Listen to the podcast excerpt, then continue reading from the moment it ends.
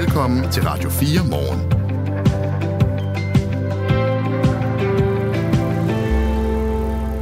Så du kampen? Nej, jeg sov.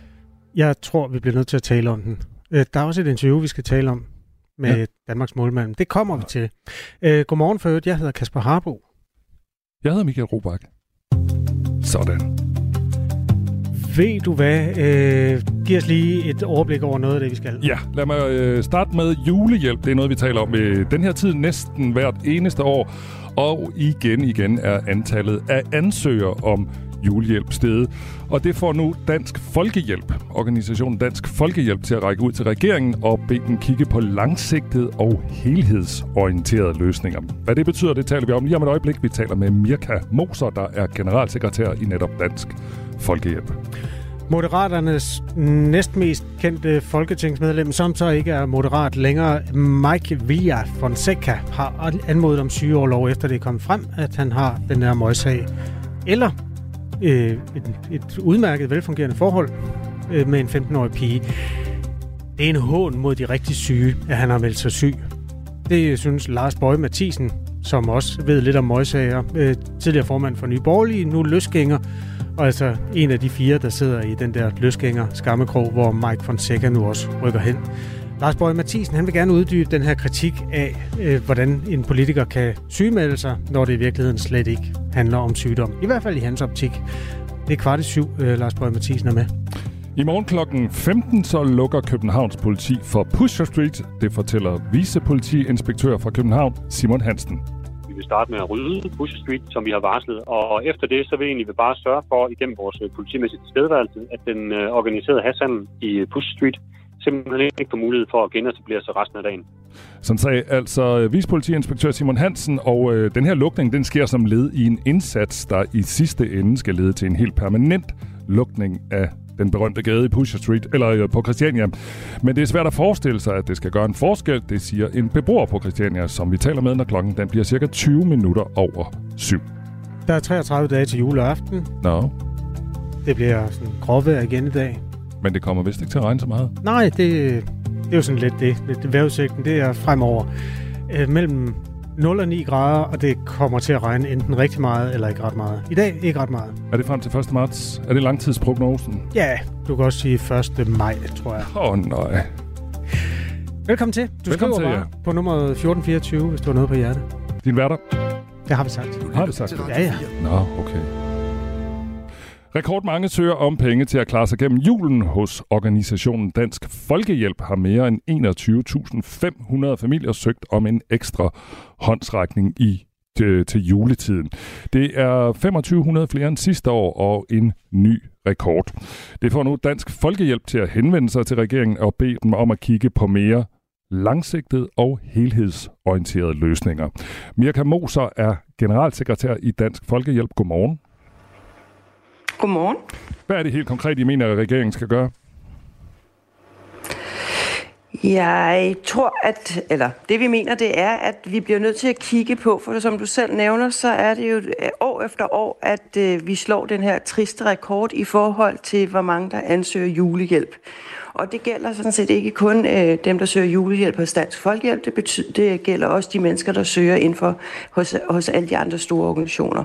Og det får os selvfølgelig til at sige til politikerne, at prøv at høre, vi bliver nødt til at gøre noget ved det her. Vi kan ikke kun give håndsrækninger, øh, som er vigtige håndsrækninger herop til jul. Vi bliver nødt til at kigge på, at det selvfølgelig er et strukturelt problem, at så mange mennesker har brug for øh, hjælp til at komme igennem julen og give deres børn en jul, som tilnærmelsesvis minder om den, som deres øh, kammerater har.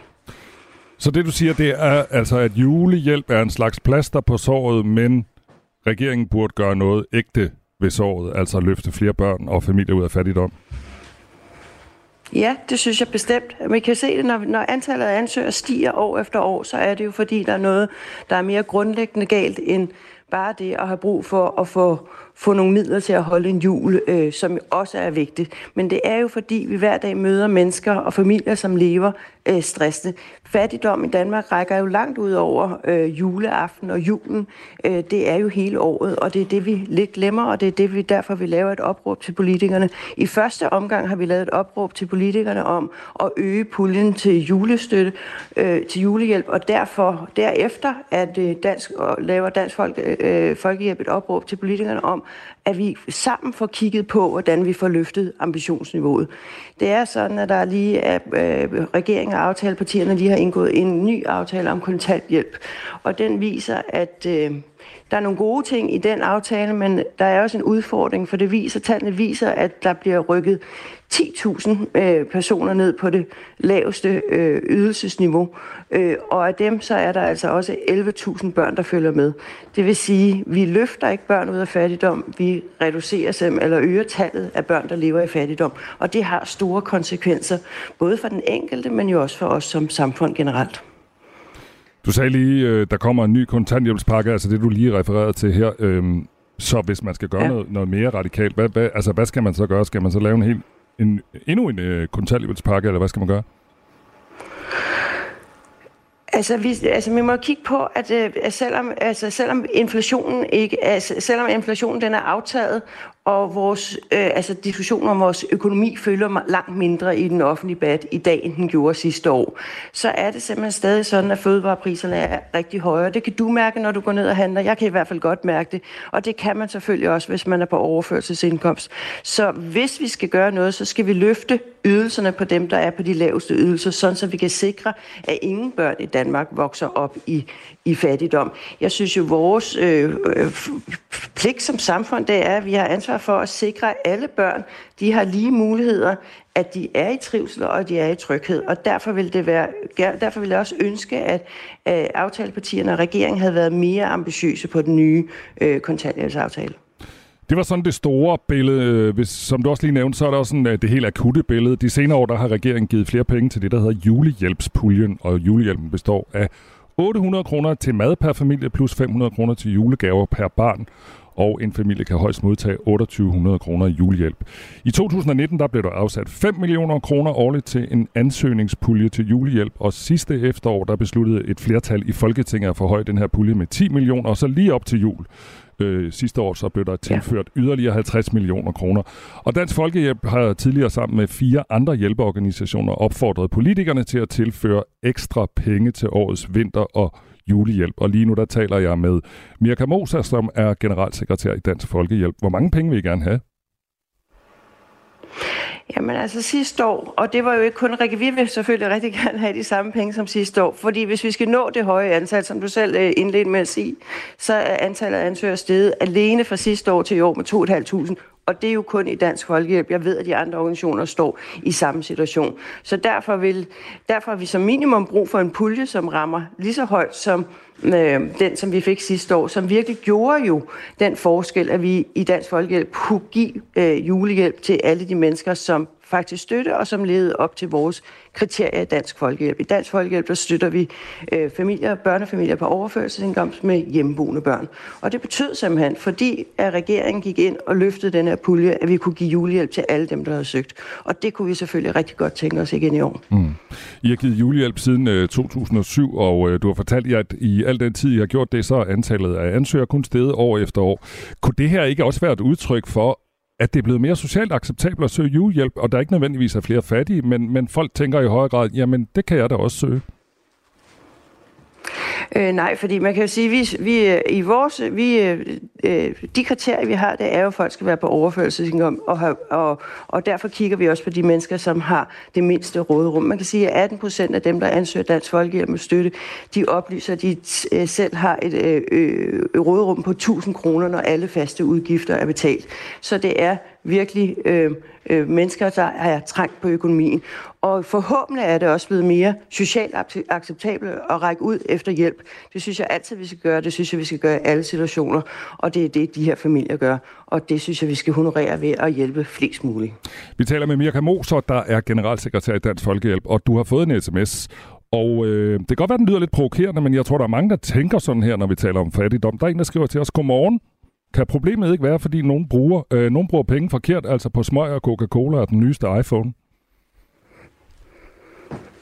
Øh, jeg tænker ikke, at man kan bruge mange penge på Coca-Cola og nyeste iPhone, iPhone, hvis man har et økonomisk råderum på en øh, på omkring 1000 kroner eller derunder om måneden. Øh, der, er, der vender man simpelthen hver en 25 øre for at få tingene til at hænge sammen. Og vi ved jo, at de familier, som søger øh, os, det er familier, som bliver nødt til at springe måltider over, ikke købe den receptpligtige medicin, som de har brug for, både til dem selv og til deres børn. Så øh, jeg kan selvfølgelig ikke sige, at der ikke er nogen, der køber smøger og køber sprut for, for pengene, men det, det er ikke det, vi oplever. Det her, det er jo børnefamilier, og alle ved, alle forældre ved, at øh, det, man aller vil helst ved, det er at give sine børn en god øh, opvækst og barndom. Tak fordi du ville svare på det spørgsmål, og også på mine spørgsmål, og tak fordi du ville stå tidligt op sammen med Radio 4 Morgens lytter. Det var hyggeligt. Tak for, at I inviterede mig med. Velbekomme, og det var altså Mirka Moser, der er generalsekretær i Dansk Folkehjælp. Når klokken den bliver cirka 5 minutter over syv, der taler vi med Maria Durhus, der er folketingsmedlem for Socialdemokratiet, Socialdemokratiet og medlem af Socialudvalget. Og vi spørger hende, hvorfor regeringen tøver med at sende flere penge ud til julehjælp. Du lytter til Radio 4. Måske fordi du er en af dem, der rent faktisk har lyst til at høre noget nyt. Radio 4. Ikke så forudsigeligt. Nu skal du høre om en kæmpe, kæmpe bøde. Advokatfirmaet Bæk Brun skal betale 400 millioner kroner i erstatning til den danske stat. Det blev afgjort i højeste ret i går. Bækbrun er skyldig i at have rådgivet den tyske bank North Channel Bank, eller Bank, i forbindelse med den såkaldte udbyttesag for ni år siden. Altså der, hvor en masse penge blev trukket ud af statskassen ved hjælp af en aktiefinte. Normalt er der ikke noget underligt i, at et advokatfirma rådgiver en bank, men den her sag den handler altså om, at samarbejdet ikke har været efter bogen. Niels Fastrup er undersøgende journalist ved DR og medforfatter til en bog, der hedder Det Store Skatterøveri, og han forklarer her. For 10 år siden, i starten af 2014, der, der, er der, en, øh, der får en advokat i Bækbrun en mail en dag fra en tysk advokat, som repræsenterer den her bank. Øh, og den her tyske advokat, han spørger, om, øh, om det er muligt for Bækbrun at lave en, en, øh, en vurdering af nogle øh, transaktioner, som den her bank tænker på at være med i. Og øh, allerede i den første mail, øh, der kan man godt se, at det ikke er sådan en helt sædvanlig øh, transaktion for den her tyske advokat, skriver om om øh, noget med at få den samme skat tilbage to gange og flere andre ting, som øh, kan man sige burde få alarmklokkerne hos Bækbrun til at ringe. Øh, men det gør det altså ikke, og Bækbrun går ind i et rådgivningsforløb, som ender ud i, at man laver sådan et notat på, øh, jeg kan ikke huske, hvor langt det er, 10 sider eller noget den sti, øh, nogle måneder senere, hvor man siger, at den her tyske bank kan godt være med i de her øh, det, som vi så i dag i virkeligheden ved, er et svindelnummer, øh, uden hverken at øh, nogen risikerer at komme i fængsel for det, eller at nogen skulle blive kendt øh, erstatningspligtige over for den danske stat. Vi taler altså om den udbytte-sag, hvor øh, 12,7 milliarder kroner forsvandt fra den danske statskasse. Og Bækbroen her spillede altså en rolle som hjælper. Øh, Bækbroen blev egentlig frifundet første gang den her sag blev prøvet ved retten. Det var i landsretten.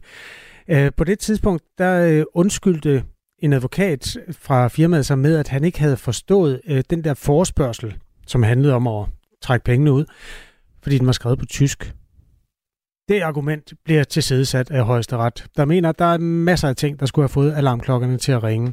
Bæk Brun øh, blev jo overrasket over dommen, men det gjorde journalist Niels Fastrup ikke for mig, øh, som, som har dækket den, og, og som læste de der e-mails, der blev skrevet frem og tilbage mellem Bæk Brun og, og, de, og, og, og, og den tyske banks øh, tyske advokater. Altså, og de advok- altså, det vi gjorde dengang, da vi fik de der mails skrevet frem, det var, at vi jo tog dem og gik, øh, gik, gik til en række eksperter med dem, og fik dem til at læse det og vurdere det. Og de var jo meget klare dengang og sagde, men altså det her, det er jo det er jo meget klart, at det, der skal foregå her, det er ikke efter bogen, og det er ikke noget, som et stort øh, dansk advokatfirma skal rådgive om. Som at sige, for mig, baseret på de eksperter, jeg snakkede med dengang, der er det ikke overraskende overhovedet, at øh, højesteret øh, fælder dom, som de gør i dag.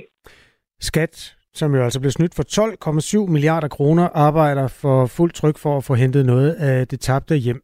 De her 400 millioner, som Bæk Brun skal betale, er bare en lille del af det samlede beløb. Og der kommer ikke flere sager af samme karakter på dansk grund. Men der arbejdes altså bag kulisserne på at øh, finde penge rundt omkring. Skat fægter jo lige i øjeblikket ved, ved, ved domstole i Dubai, i London, i Malaysia, i USA, i New York, for at få alle de her 12,7 milliarder tilbage. Og, og mange af de der sager minder jo på, på sin vis om den her, som er blevet afgjort i dag. Ikke? rundt omkring i verden. Så der er jo gigantiske øh, slagsmål i gang øh, for at få pengene hjem. Niels Fastrup her har altså skrevet en bog, der hedder Det store skatterøveri, hvor man kan sætte sig ind i den her udbyttesag. Og advokatfirmaet Bæk Brun, de har udsendt en pressemeddelelse med deres reaktion Partner Sten Rode udtaler. Vi er meget overrasket over, at højesteret er nået frem til et andet resultat end landsrettens klare frifindelse. Det ligger fast, at skatteforvaltningen blev snydt i 2014. Det blev vores tidligere medarbejder også. Banken gjorde i virkeligheden noget andet end det, de sagde til ham, at de ville gøre. De begik bedrageri.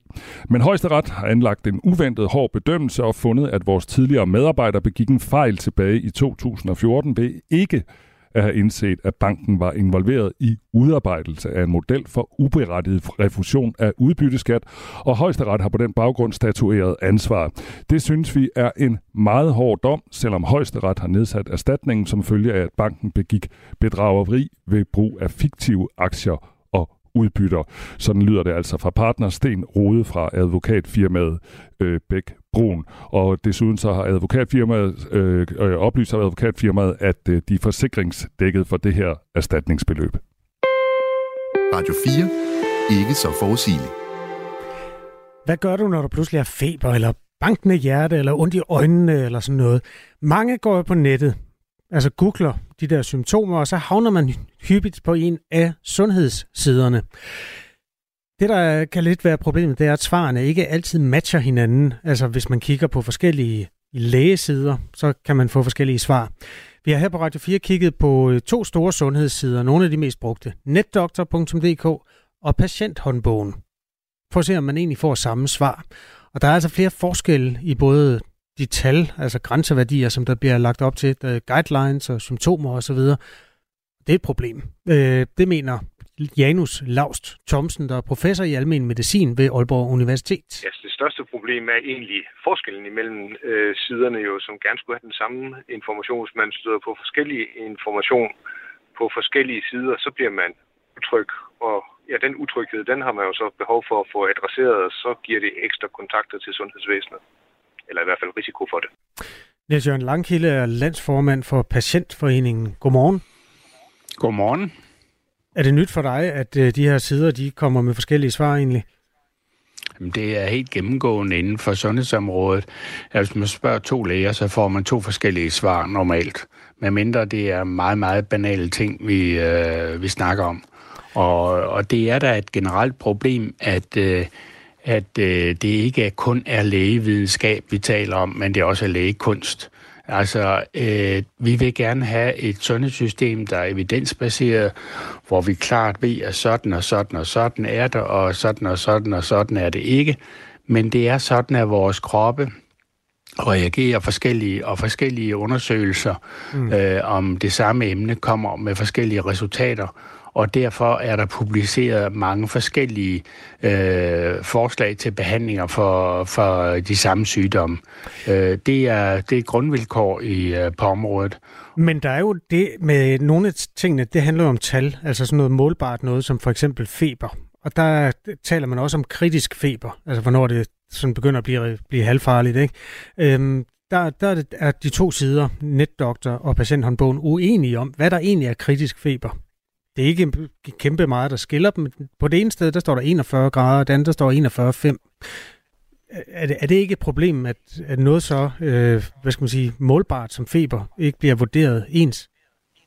Ja, det, er, det ser vi ikke som det helt store problem, fordi hvis du ser på den måleusikkerhed, der er på dit termometer, øh, så er den som øh, for de ringere af dem, der er den større end det, du siger her. Øh, og det vil, vil mange have oplevet, hvis de har taget deres øh, feber øh, med kort mellemrum, øh, så er, viser termometer ret forskellige øh, temperaturer. Og Okay, øh, der er også stor forskel på, hvornår dit kolesteroltal er øh, både moderat forhøjet og udtalt forhøjet. Helt konkret så siger øh, netdoktor, at kolesterolindhold over 7,5 millimol per liter, så er det udtalt forhøjet kolesterolniveau. Øh, Sundhed.dk, der, der bruger man en anden grænseværdi, nemlig 8,0. Det her, det kan være sådan lidt svært at forholde sig til, men for øh, Janus Laust Thomsen, som er klinisk professor i almen medicin ved Center for øh, ja, for almen medicin ved Aalborg Universitet. Han, han synes, at den forskel er for stor.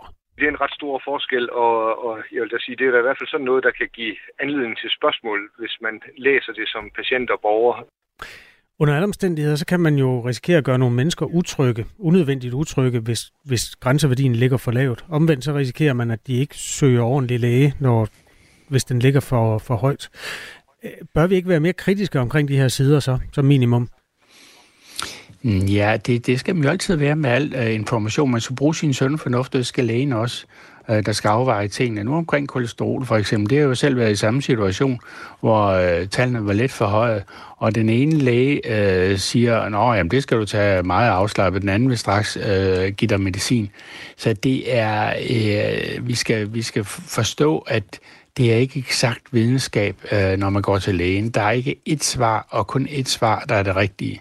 Lægen skal danne sig et helhedsbillede af, hvordan har patienten det, og så øh, sige, om øh, dit øh, øh, spørg lidt ind til kolesteroltallet måske, om du har måske øh, ændret vaner her på det sidste, eller øh, øh, prøve at finde ud af, hvad er årsagen, og give nogle gode råd til, at man kan nedbringe det. Øh, så, så det er det ser vi ikke som det store problem. Hvor der er et større problem, ja. det er det, vi ser på behandlingsvejledningerne, hvor specialister har været inde og angive en behandling, at de bliver taget meget lemfældigt af de læger, der selv har skrevet det og sagt, jamen det er jo kun vejledninger. Det er ikke, øh, det, det er ikke noget, vi skal tage over i tid. Når patienterne sidder med, med de videnskabeligt udarbejdede øh, behandlingsvejledninger, at der er, stor, øh, der er stor usikkerhed i dem. Og det er ved, ved højt specialiserede sygdomme, øh, hvor vi har øh, det som et problem, vi møder til de øh, patientforeningen. Øhm, lad os lige høre, hvad man siger på de forskellige medier her. En af forskellene var jo for eksempel netdoktor.dk. Øh, der står ikke, at udblivende medicin er et øh, tidligt symptom på øh, for tidlig graviditet, men det står der i patienthåndbogen. Altså det er sådan et andet sted, hvor der er nogle øh, diskrepanser mellem de to medier. Vi spurgte Per Olkær Nielsen, der er ansvarshavende chefredaktør på netdoktor.dk, hvordan han forholder sig til det. Øh, nu er jeg ikke inde i øh, lige præcis, øh, hvordan det forholder sig sådan på den måde med, med, med, med, med menstruation. Men jeg kan sige det sådan, at, at øh, øh, den øh, speciallæge, der nu har skrevet vores artikel, jeg kan ikke huske her, øh, hvem pokker, der har skrevet det, men har jo så valgt at undlade det af en eller anden årsag. Og man kan sige, vi vælger jo ikke tilfældige øh, læger, vi bruger ikke praktiserende læger, vi bruger speciallæger, som har en vis øh, erfaring, og vi må gå ud fra, lige så vel som når jeg går til lægen og får et eller andet at vide, at det han siger, det, øh, det nok er, er rigtigt. Laust, øh, undskyld, Janus Laust Thomsen, altså øh, klinisk professor i almen medicin, han øh, forholder sig sådan her til det. Altså i forhold til graviditet vil jeg nok sige, at udeblevet menstruation er, øh, er meget øh, relevant, øh, og mange af de andre symptomer kan jo være lidt mere uspecifikke i forhold til graviditet. Så jeg nok synes, at udebleven menstruation i forhold til graviditet var en, en information, som, som burde være der. Nu kender jeg selvfølgelig ikke hele øh, opbygningen af, af, hvordan hjemmesiden er lige på det her punkt, men, men det lyder for mig som om en information, man der burde have med i forhold til graviditet. Ja, der er altså forskel på, hvordan man bliver mødt, eller hvordan ens symptomer bliver vurderet, hvis man søger på henholdsvis netdoktor.dk og patienthåndbogen. Niels Jørgen Langkilde, landsformand for Patientforeningen. Skal folk bare droppe de der netdoktorer og så gå til lægen i stedet for? Nej, det skal de ikke, men øh, det kan da være klogt at google og kigge lidt forskellige steder. Øh, der er nogen, der ikke gør det, fordi de er bange for at blive snart forvirret og ikke ved, hvad de skal stole på, og når de kommer ned til lægen, så siger lægen noget helt tredje. Øh, men det, det er en af vilkårene. Men altså for folk, der, der gerne vil forstå øh, den sygdom, de har, de symptomer, de har, der er det godt at søge øh, informationer flere steder. Og hvis man så ser, at alle siger det samme, så kan man være rolig øh, tryg, og hvis man kan sige, at nogen siger 7, og andre siger 9, så skal man nok regne med, at det ligger et sted mellem 7 og 9. Øh, det, det er jo den måde, vi reagerer på i andre forhold. Niels Jørgen Langkilde er altså landsformand for Patientforeningen. Tak fordi du var med her til morgen. Klokken 7 minutter over 8, der øh, skal vi også tale med chefredaktøren på Patienthåndbogen, øhm, som, ja, det er også det, vi kender som Sundhed.dk, altså øh, på den kritik, som vi hørte fra Janus Laus Thomsen fra Aalborg Universitet, øh, af at øh, de ikke, de her to net lægemedier ikke har samme svar. Nu er klokken halv syv. Vi skal høre fra vores kollega Thomas Sand. Nu er der nyheder på Radio 4. Den væbnede palæstinensiske gruppe Hamas siger, at man rykker tættere på en aftale med det israelske lederskab, hvor parterne stopper med at kæmpe i Gazastriben. Det siger den øverste leder for den væbnede palæstinensiske gruppe Hamas' politiske gren, Ismail Hanya. Ifølge Hanya har Hamas netop afleveret et svar til embedsmænd i ørkenstaten Katar, hvor store dele af Hamas-ledelsen bor. Ørkenstaten har fungeret som maler i forhandlingerne mellem Israel og Hamas. En aftale er endnu hverken bekræftet af Israel eller Hamas. Hanje siger ikke noget om, hvor lang tid kampene ifølge den eventuelle aftale vil blive stoppet. Det fremgår heller ikke umiddelbart, om udvekslingen af fanger vil være en del af aftalen. Den amerikanske avis Washington Post skrev søndag, at parterne havde nærmet sig en aftale og beskrev nogle af detaljerne i den. Selv hvis avisens oplysninger har været korrekte, kan meget dog have nået at ændre sig. Ifølge avisen skulle Hamas være gået med til at frigive dusinvis af kvinder og børn holdt som gisler, mod en pause i kampene på fem dage. Regeringens udspil til energiparker leverer ikke på målet om at firedoble den vedvarende energi på land. Det mener de radikale, der i et nyt udspil vil give staten en mere håndfast hånd og uddele større økonomiske bonusser til kommunerne. Vores forslag er, at vi simpelthen i løbet af ganske få måneder får udpeget de få steder i Danmark, hvor vi skal have meget vedvarende energi op, få gjort klar til det, og så også belønne de kommuner, der skal lægge jord til, de borgere, der bor i nærheden, øh, tilstrækkeligt meget økonomisk siger partiets politiske leder Martin Lidegaard. Regeringens arbejde med energiparker har været undervejs i flere år, og kommuner har nu ansøgt om 32 forslag til energiparker. Her er det tanken, at parkerne skal rumme både vindmøller, solceller og PTX-projekter. Selv hvis alle de 32 udpegede projekter realiseres, vil det ifølge de radikale ikke indfri målet om at firedoble den vedvarende energi på land. Derfor vil partiet lave en mere målrettet udpegning af 5-10 steder i Danmark, hvor kommunerne kan bygge større energiparker. Det vil øge tempoet og sikre, at der opføres vedvarende energi de steder, hvor elnettet kan rumme det, mener partiet. De steder mener vi, at man skal udpege fra centralt hold, men kun der, hvor kommunerne er interesserede, siger Martin Lidegaard. I dag er størstedelen af den landbaserede vedvarende energi lagt i enkelte kommuner, og de kommuner, der tager størst ansvar, skal også belønnes mest. Konkret vil de radikales forslag give kommunerne 2 øre per produceret kilowatt-time. Dermed får man større støtte, jo mere grøn strøm man producerer. En kommune, der har en energipark på 100 megawatt, vil dermed få omkring 70 millioner kroner. Ukraines styrker har travlt med at afværge en stigende grad af russiske angreb omkring den sønderknuste østlige by Bakhmut. Det fortæller repræsentanter fra det ukrainske militær. Samtidig har de ukrainske styrker haft held med at gå i land på bredden ved den vestlige del af floden Dnepr i den sydlige del af regionen Kherson.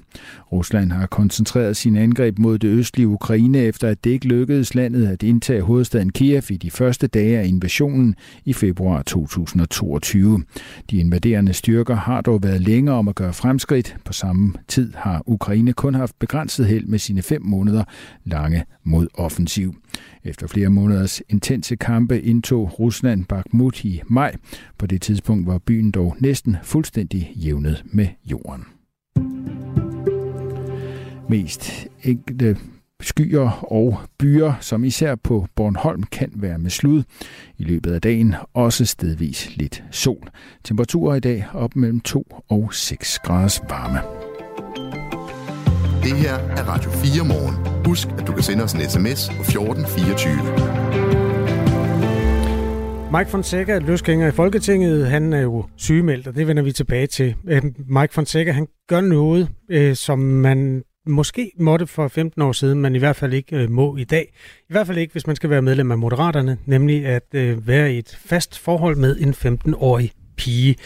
I går øh, læste vi nogle citater fra en 15 år gammel artikel i Ekstrabladet, der handlede om daværende folketingsmedlem fra Socialdemokratiet, Jeppe Kofods, øh, korte, men øh, intensive møde med en 15-årig pige, hvor altså, de var simpelthen øh, havde sex under en øh, DSU-lejr, og der var dommen ikke så hård dengang øh, hos de der mange mennesker. Øh, måske skal vi lige bare genopfriske et af dem, fordi vi, vi har jo forsøgt at få nogle af de kvinder i tale for at få uddybet, hvordan hvad er det, der har ændret sig i samfundet siden da? Ja, den eneste, der sådan rigtig har reageret, det var Paula Lerein, som sendte os en sms, øh, hvor hun øh, fortalte, hvor, der, hvor hun stod i dag i den her problemstilling. En af dem, der udtalte sig altså for 15 år siden i Ekstrabladet om Jeppe Kofod, det var Pernille rosenkrantz øh, Tejl, socialdemokrat og øh, nuværende social- og boligminister. Og hun sagde dengang, reaktionen fra Jeppe Kofods bagland og DSU er tot, øh, en totalt overreaktion. Manden har intet ulovligt gjort. Hvis man mener, det ikke er i orden at have et seksuelt forhold til en 15-årig, øh, på en, til en person på 15 år, så må man stille forslag til en lovændring, hvor lavalderen bliver sat i vejret. Skal der være andre love for politikere? Det er noget underligt noget, og det er sindssygt synd for pigen, at det her overhovedet er blevet en sag. Jeppe har lagt sig fladt ned, hvilket er det helt rigtige at gøre. Det giver plads til alle reaktioner og dermed mulighed for at tage ham tilbage igen. Jeg ser intet som helst belæg for, at det her skal koste ham den mindste fli af en politisk karriere. Sådan sagde altså Pernille rosenkrantz Tejl i 2008 om Jeppe Kofods sag. Mm. Vi har banket ret øh, tålmodigt på, og også været i forbindelse med pressefolkene, der styrer hendes øh, kalender i forhold til muligheden for interview. Og det var noget med, at de ville vende tilbage, men det gjorde de så ikke. Det gjorde de ikke. Så vi kan simpelthen ikke øh, komme til at spørge hende, hvad der har ændret sig. Noget af det, der i virkeligheden, tror jeg ikke har ændret sig, det er det der med, at de kan jo bare lave loven om. For eksempel Moderaternes form, øh, politiske ordfører, Monika Rubin, var jo på øh, Kristin og sagde, at øh, ja, der var ikke det, der ikke var galt med Mike Fonsecas fremfærd. Altså, mm, hun har jo også mulighed for, hvis hun har lyst, at, øh, at lave en lov om, at man ikke, når man er 28, må have et øh, seksuelt forhold til en 15-årig. Men det har hun så ikke valgt at gøre. Under alle omstændigheder kunne det være meget fedt at tale med de her kvinder, men der er altså simpelthen ingen af dem, der kan være med i Radio 4 morgen, åbenbart. Det kan Lars Borg Mathisen godt. Han er interesseret i et andet af de principielle ben i den her historie, nemlig det der med, at man melder sig syg, når man har en møgssag. Han skriver på det sociale medie X, det er ganske enkelt en hån mod rigtig syge, at folketingsmedlemmer melder sig syge, når de har en sag i medierne. Lars Borg Mathisen er med om 10 minutter. Lige nu er klokken 6.37. Jeg hedder Kasper Harbo. Jeg hedder Michael Robach, og nu skal det handle om klimaet. Det her er Radio 4 morgen. Det står skidt til, hvis vi fortsat har planer om at nå Paris-målene, som blev fastsat for otte år siden. Det konkluderer FN's årlige rapport, der beskriver, hvor klimaet er på vej hen. Verden er nemlig på vej mod en temperaturstigning på 2,9 grader i øh, år 2100, lyder det i den her rapport. rapport. Sebastian Mernil er klimaforsker og professor ved Syddansk Universitet. Godmorgen. Ja, godmorgen. Hvad er den centrale konklusion i den her rapport, der er kommet fra FN?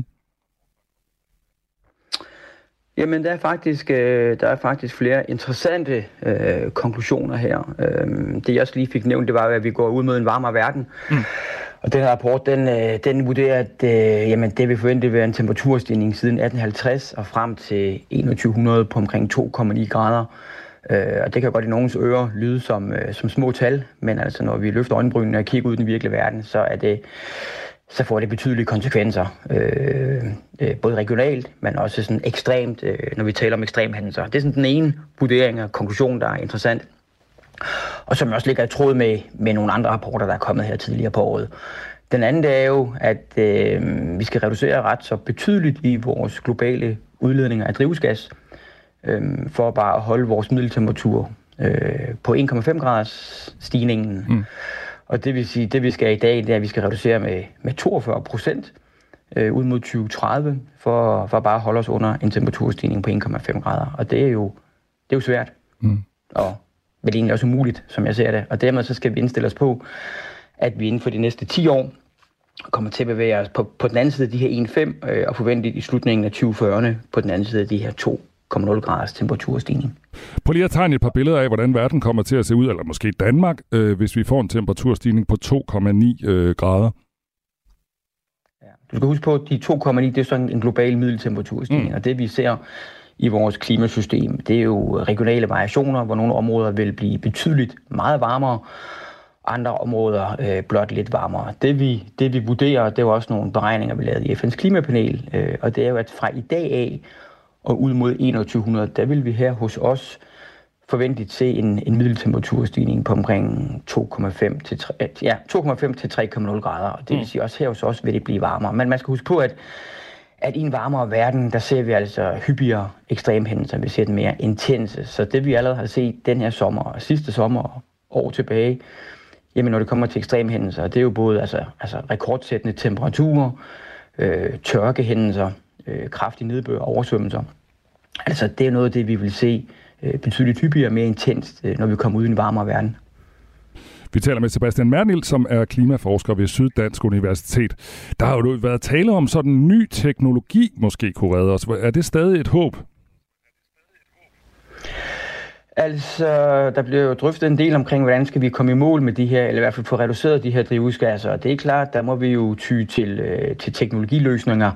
Øhm, fordi det vi skal, det er jo, at vi skal jo ud i tid øh, bruge mindre øh, altså udlede øh, færre drivhusgasser øh, gennem en, en mere, for eksempel en mere effektivisering af vores, øh, af vores, øh, vores liv, kan man sige. Ikke? Mm. Vi skal have vi skal have mere grøn energi, mere vedvarende energi. Øh, vi skal sørge for, at øh, vi går imod højere grad af elektrificering. Øh, og det er, jo en, øh, det er jo en samfundsproces, som jo kommer til at tage tid, ikke? og hvor vi jo er, er i gang, kan man sige, ikke? Men, men langt fra i mål. Og så er der også det andet spor, og det er jo, at øh, vi har også et, et stort forbrugsfodaftryk. Øh, og det vil sige, at vi, øh, vi køber en masse uden store verden og får det fragtet til Danmark. Øh, og det må vi også finde ud af, hvordan vi kan, vi kan gå op med vores øh, forbrug, så, således at vi også får reduceret lige præcis øh, på den konto. Og det vil sige, at vi skal nok vende os til at finde ud af, hvordan vi kan genanvende øh, vores ressourcer øh, i langt højere grad øh, end tidligere.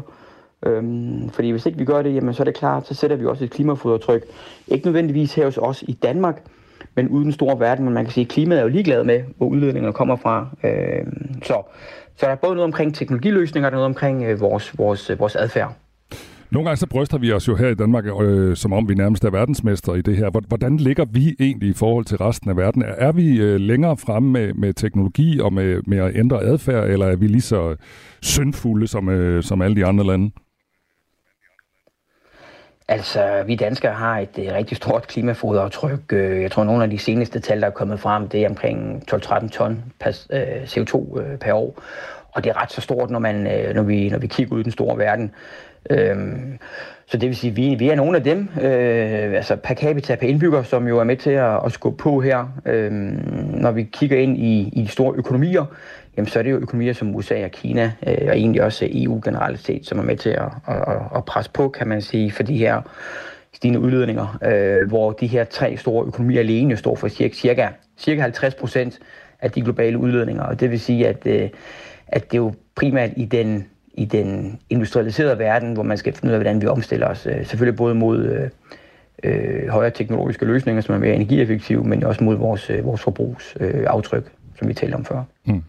I næste uge så starter FN's øh, klimatopmøde COP28. Det finder sted i Dubai, og her skal verdens ledere over 14 dage øh, diskutere mange aspekter af de her klimaproblemer. Hvad kan vi håbe på, der kommer ud af det her klimatopmøde?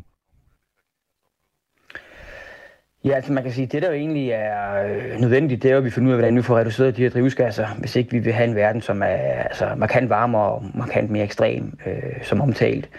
Øh, så noget af det, der jo forventeligt øh, bør diskuteres, det er jo, hvordan vi øh, enten nedfaser eller udfaser brugen øh, af fossil brændstof. Øh, men det er jo noget, der kommer til at tage tid. Mm. Øh, det tror jeg, vi alle er, er rimelig godt klar over. Men har vi ikke snakket om det men i overvis? Det er at tage diskussionen og jo, det har man også, men øh, det er aldrig nogensinde blevet skrevet ind øh, i nogle af de her slutdokumenter, man har haft øh, i, i kølvandet på de her kopmøder. Det er selvfølgelig noget, vi har snakket om videnskabeligt, at øh, det er det, der er hovedårsagen til de forandringer, vi ser. Mm.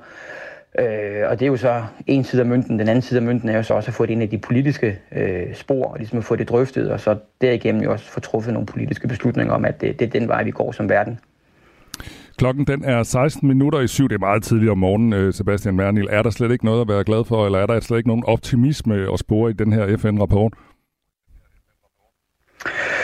Altså, denne rapport her, den, øh, den fortæller jo tingene, som der er forventet, at, at det vil sige, at det er en varmere verden, øh, også mere ekstrem verden, men også, at vi er på hælene, og vi faktisk går i den gale retning, når det mm. kommer til vores reduktioner.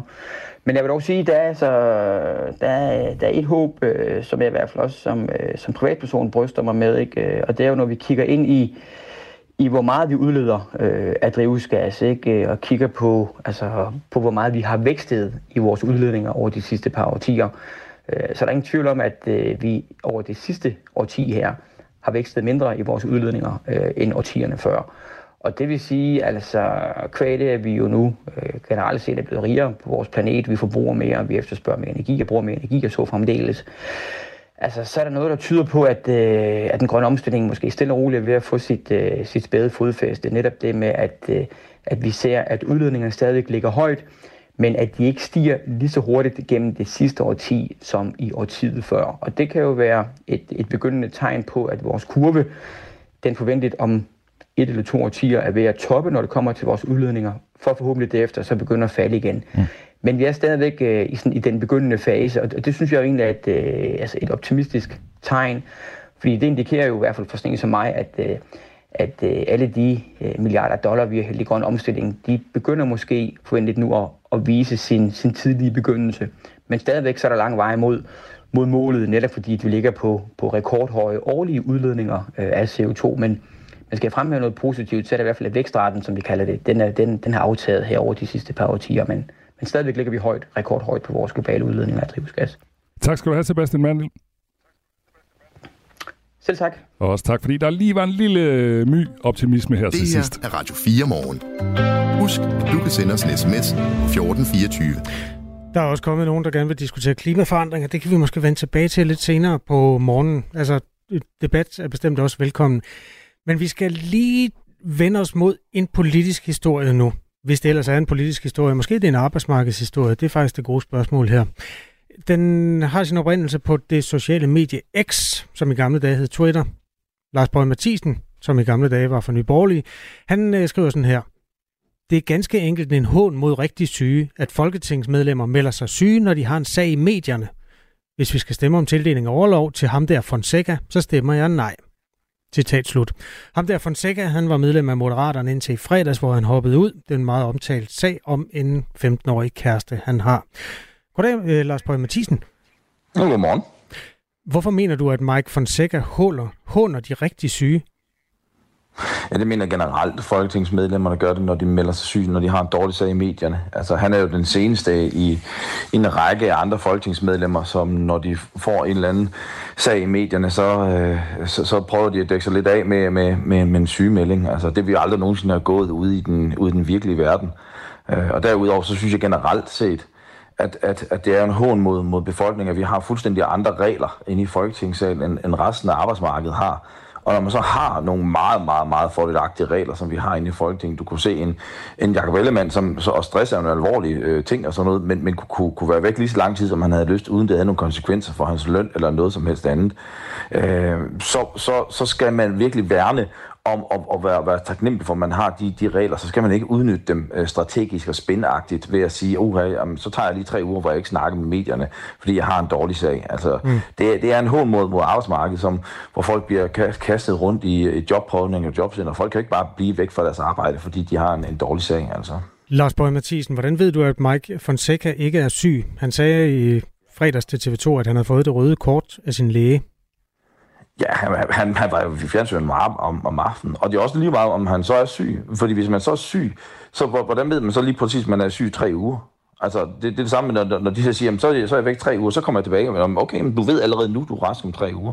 Og desuden, men, altså, det er jo en rækken. Altså, man, man kan jo så hende fra Socialdemokratiet, da hun havde sin boligsag, så var hun også lige pludselig. Da Peter Seier, han lige pludselig havde nogle dårlige sager, så, så var han også lige pludselig væk. Nu er han så syg med, med, med, med kraft, det er sådan noget andet. Men det kom er, er det okay, først, er det? Det kom, det kom så først efterfølgende. Ja, ja, selvfølgelig er det jo okay, hvis man er, hvis, hvis man er syg, men selv der, så skal man jo lige huske på, at der er nogle helt andre regler for folketingsmedlemmer alligevel. De kan jo gå øh, al den tid, de vil, på fuld løn. Det kan du ikke gå ud på resten af arbejdsmarkedet. Og derfor synes jeg bare, at, at, at når man så gemmer sig bag så, sådan noget her, fordi man får en, en dårlig sag i medierne, jamen så, skal, så, så, så er det en hånd mod de folk, som ikke har de muligheder ude i det danske samfund. Så hvis, hvis politikerne virkelig synes, hvis politikerne virkelig synes, at det, de regler, og de har inde i Folketinget, om hvor lang tid man kan gå, altså hvis man, hvis man går ned med stress eller noget andet, jamen så kan man i Folketinget gå lige så al den tid, som man har lyst til. Der er ingen noget krav om, at man skal møde op på et jobcenter, der er ikke noget krav om, at man skal igennem nogle forskellige forløb eller noget som helst andet. Man får al den tid, man vil have til at komme sig for på ovenpå. Mm. Hvis politikerne de synes, det er den rigtige måde at takle at have stress og, og, og have det svært, eller være syg eller noget at gøre på, jamen så er det da de regler, og den, de regler, vi skal lave for resten af samfundet, så man har de muligheder, som, som man åbenbart selv synes, at, de, at der er de rigtige. Lars Bøge Mathisen, øh, vi kan da lige løbe et par sager igennem. Så må du lige vende tommelfingeren op og ned. Det korte svar, det her. Øh, var det okay, da Jakob Ellemann Jensen var væk frem til 1. august? Jamen, som, som siger, at, at ja eller nej? Det kommer, det kommer, Nej, men det, sådan, det, sådan kommer jeg ikke til at svare på det. Hvis du kender mig så rigtigt, så ved du godt, at jeg ikke kan spille sådan en, en leg der. Det er ikke en leg, uh, Lars Bøge Mathisen. Det er fordi, du siger, at det er ikke okay, at Mike Fonseca melder sig syg. Så det kan du altså godt gøre, dig til dommer over. Kan du så ikke sådan nogenlunde uh, holde dig til, til dommer over Jacob Ellemann også? Jeg sagde, at jeg kommer ikke til at stemme for det. Og det vil sige, at jeg kommer ikke til at stemme for, at, at de skal have øh, fuld, fuld løn og midler og alt muligt andet, når resten af samfundet ikke har det, når man, når man på den måde gemmer sig bag, bag de her ting. Og derfor mener jeg, at hvis det er sådan, at Folketinget mener, at Jacob Ellemann også, som, som var væk i, i mange måneder mm. på fuld løn, at han skal have de regler, jamen så burde alle partierne sætte sig ned, og så burde de lave nogle regler, så det er den, det, der gælder for resten af samfundet. Okay, det bliver ikke et ja eller nej. Så hvad med Morten Østergaard, som havde en rigtig møgssag om noget krænkelse internt i partiet? Øh, var det okay, da han meldte sig syg? Jamen, jamen ja, de, de, må sådan set gerne melde sig, de må sådan set gerne melde sig syg, men så skal der gælde samme regler for dem og deres sygemeldinger som resten af arbejdsmarkedet. Øh, og vil du svare det, uanset hvilken sag jeg trækker frem? Jeg sidder og sige, at, at de ikke... At, altså, fordi jeg, jeg er jo ikke en læge, jeg har jo ikke snakket med, med, med det personligt. Men, men, men derfor så skal samme regler for dem gælde som resten af samfundet. Man kan ikke gemme sig bag ved det her ting og sige, okay, altså han, han var rask dagen før, så får han en lortesag. Bum, så, så melder han sig syg. Altså det er på grund af mediesagen, han melder sig syg. Det sker jo på nogle arbejdspladser, at folk, for eksempel hvis de får en fyreseddel, øh, trækker en sygemelding i en eller anden kortere eller længere periode. Og det, han har jo fået en form for, for fyreseddel. Det, det er altså set på andre arbejdspladser også. Har du aldrig oplevet det? Jamen, synes du, det er i orden? Det er ikke et spørgsmål, om det er i orden. Det er et spørgsmål om, at sådan fungerer det. Jamen, det er der, det er der spørgsmål om, det er i orden. Altså, vi, vi, vi politikere skal jo efterleve de, de, de lov, der er. Og lige nu har du en lov, som, som, som siger, at du bare kan, kan, kan melde dig syg inden for Folketinget. Ikke? Og så kan du sådan set være, være sygemeldt, ja, stort set øh, 4, 5, 6 måneder på fuld løn, uden du har nogen som helst konsekvenser, uden du skal møde op i det eneste sted. Sådan Det er sådan, loven den er indrettet. Mm. Og der siger jeg bare, når det er loven indrettet på den måde, så, så skal man ikke gøre det, fordi man har dårlig sag i medierne. Så skal du gøre fordi du er fysisk syg, eller du har en psykisk sygdom, eller et eller andet, der, der er sket derpå, og ikke fordi du har en dårlig sag i medierne. Altså den der politisk korrekthed om, at oh, her, altså alle ved jo, at det er fordi, at der, så han har snakket med en pressechef, der siger, nu skal du lige være væk fra medierne tre uger, så er det her nok blæst over, fordi så kommer der nogle andre sager, som har taget over. Altså, øh, så, så kan vi godt sted her og lege, uha, det er ikke sådan, det foregår, men alle ved, det er sådan, det foregår. Det ved I journalister, det er det, sådan, foregår. Mm. Det ved pressefolkene. Det ved alle, det er den måde, ja. det foregår på. Og det siger jeg bare, det synes jeg er en hån mod folk. Jeg synes, det er en hån mod alle de mennesker, okay. øh, som derude, som, som, som bliver trukket rundt i de her jobcenter og alt muligt andet. Og der burde vi da gå forrest i politikere og så sige, jamen hvis det er sådan, vi synes, det skal laves, så skal det altså også gælde for resten af danskerne. Lars Bøge Mathisen, sådan afslutningsvis. I princippet kunne øh, Mike Fonseca, Mike Fonseca, undskyld, det hedder han, fortsætte det gør han muligvis som løsgænger i Folketinget. Der er i hvert fald ikke andre partier, der står i kø for at få ham. Altså han kan fortsætte øh, som løsgænger i Folketinget uden at dukke op til noget som helst, fordi der, der er ikke nogen øh, partiledelse, der siger, at han skal dukke op. Havde det været bedre, hvis han havde gjort det? Det er jo noget, som du i princippet også kan gøre, hvis du har lyst. Øh, øh, jamen, øh, det må, være, det må, det må være, være, være op, til, op til ham selv, altså, altså hvordan han kan gøre det. Jeg synes, man skal ikke melde syg, men så, melde sig syg, når man ikke er syg. Men havde, altså, det er jo en mulighed, han har. Han kan jo bare blive væk. Øh, nu vælger han så ligesom at sige, at jeg er ude tre uger. Er, er det mere ærligt eller mindre ærligt? Nej, nej, jeg synes at man skal passe sit arbejde. Kommer du hver gang? Ja, jeg passer mit arbejde. Hvis du går ind og kigger, Altså i, i sidste, sidste, og, sidste periode, der var jeg den, der havde allerflest sager i, først, i første behandlinger af sagen. Hvis du går ind og tjekker nu, øh, så tror jeg også, at jeg er den, der er allerflest første behandlinger af sagen, den, der har taget ordet allerflest gange. Men, men, men hvis man går ind og kigger, øh, jeg skal også stemme i, øh, i dag, og jeg har stemt øh, de gange, man skulle, jeg skulle stemme her i den nye samling og sådan nogle ting. Så, så, så det, hvis det er den måde, du vil måle på, at man som politiker passer sit arbejde, men det, det er også lidt sådan lidt journalistisk dogenskab, fordi at hvis du kigger på, på afstemninger, jamen så har sådan som Lars Lykke eller Mette Frederiksen, øh, de har stort set ikke stemt, men med ikke, når vi påstår, at de ikke, kan man sige, arbejder vel. Så det er også lidt politisk dogenskab at bare. Hvis, hvis man vil snyde som, som politiker eller som løsgænger, så er det letteste at gøre det, at du går op tirsdag og torsdag og, og, og trykke på de der knapper de fem minutter, og så ellers ikke lave noget resten af tiden. Ikke? Lidt øh, vejledning her fra Lars Bøge Mathisen til øh, løsgængere eller partimedlemmer, som sidder ja, i Folketinget. Skal gøre, Nå, det var det, man ikke skulle gøre. Alright, okay. Godt, du var med. Øh, ha' en god dag, Lars Bøge Mathisen. Ja, tak lige måde med jer. Mike Fonseca vil ikke være med, eller hvis han vil være med, så skjuler han det godt. Vi har selvfølgelig ragt ud til ham øh, for at spørge, om han misbruger syge overlovsordningen. Han er ikke vendt tilbage. I virkeligheden kunne man jo godt lave en længere rundringning til nogle af de mennesker, som har benyttet sig af de her vilkår. Men det er altså nogle vilkår, der er. Øhm, vi har også ragt ud til Søren Gade, Folketingets formand, uden at få svar på, hvad han mener om den her sag. Den er jo genstand for en debat, som nogle steder er sammenlignet med det private arbejdsmarked, og andre steder er den måske ikke. Altså Christiansborg er jo ikke en arbejdsplads som alle andre. Og jeg sidder herovre på den anden side af bordet og holder lidt øje med vores postkasser, og jeg kan sige, at øh, det Lars Bøje siger, det giver øh, virkelig øh, klapsalver hos lytterne. Øh, der er Kurt Larsen fra øh, Vesterborg skriver sjældent enig med Lars Bøge Mathisen, men her har han virkelig en sag. Og Trine skriver, ja, ja, ja. Kæmpe tak til Lars Bøge Mathisen for at råbe det op i medierne. Jeg er meget enig med ham og synes ganske enkelt, det er noget svineri at trække sygekortet ved personsager. Du kan bare øh, stemple ind mellem 9 og 11, hvor der er ring til Radio 4, hvor den her sag er til debat. Lige nu er klokken 4 minutter i 7. Det her er Radio 4 morgen. Skal vi ikke tale om den fodboldkamp der? Jo, jeg vil meget gerne tale om den, for jeg tilstår, jeg så den ikke. Jeg gik i seng. Jeg tænkte, den er ikke vigtig. Så jeg prioriterede min nattesøvn. Vi, vi møder jo klokken 4. Ja, det gør vi jo. Øhm, jeg kom lige fem minutter over, men øh, da, ja, Danmark mødte Nordirland. Du er en klog mand. Det, det, var, øh, det, det var to timer, man ikke lige får igen med det første. Nå, fortæl mig det hele. Jeg ved, vi tabte, og så ved jeg ikke ret meget mere. Det var en svær kamp, fordi Danmark var jo kvalificeret til næste års EM-slutrunde i, i Tyskland, og derfor havde landstræneren jo valgt at eksperimentere, så han har skiftet hele midtbanen og hele angrebet. Okay. Og det gik ikke så... Altså, der var god periode i første halvleg faktisk, men, okay. men det var jo også, det var ikke mod, det var en svag modstander. Nordirland var også mange, ramt af mange skader. De har vundet to kampe i den her kvalifikation. Så det burde være et hold, vi bare skulle slå. De har slået San Marino to gange. Okay, det havde vi jo lidt besvær med. så har de tabt til alle de andre, ja. Uh, ja, det, jeg synes også, det var en bjørnetjeneste at gøre de der nye spillere, at de skulle ind i en konstellation med nogen, der heller ikke var stamspillere. Altså, det måtte næsten gå galt, ikke? Men, men skulle Kasper Julemand have spillet med stærkeste hold for ligesom at vise, at vi er tilbage, og vi kan godt, eller var det ikke meget fornuftigt ligesom at tænke, nå, men den her kamp, det er en gratis kamp. Vi giver lidt spilletid til nogle af de unge. Det kan godt være. Jeg vil bare sige, at det var ikke øh, fedt at blive op og, og se på. Okay. Så var der en af de gamle, der heller ikke gjorde det sådan helt super godt. Øh, Kasper Smeichel. Øh, eller, det, det er en vurderingssag, ikke? men han blev rimelig overrasket ved Nordirernes 1-0-mål. Det kom efter et kontraangreb, hvor bolden ligesom blev sat ind i det, man kalder det korte hjørne. Mm. Smeichels venstre side. Han havde regnet med, at den kom i den anden side, fordi han stod, han, han var ikke klar. Øh, det var TV2, der sendte kampen, og jeg vil lige spille noget. Øh, det var Thomas Christensen og Morten Brun, som altid der kommenterede. Prøv at lægge mærke til, hvad Morten Brun han næsten siger her, øh, hvor det første mål det kører i øh, langsom gengivelse. Der kan man allerede se, det her det kan godt gå galt, Jørgen Charles.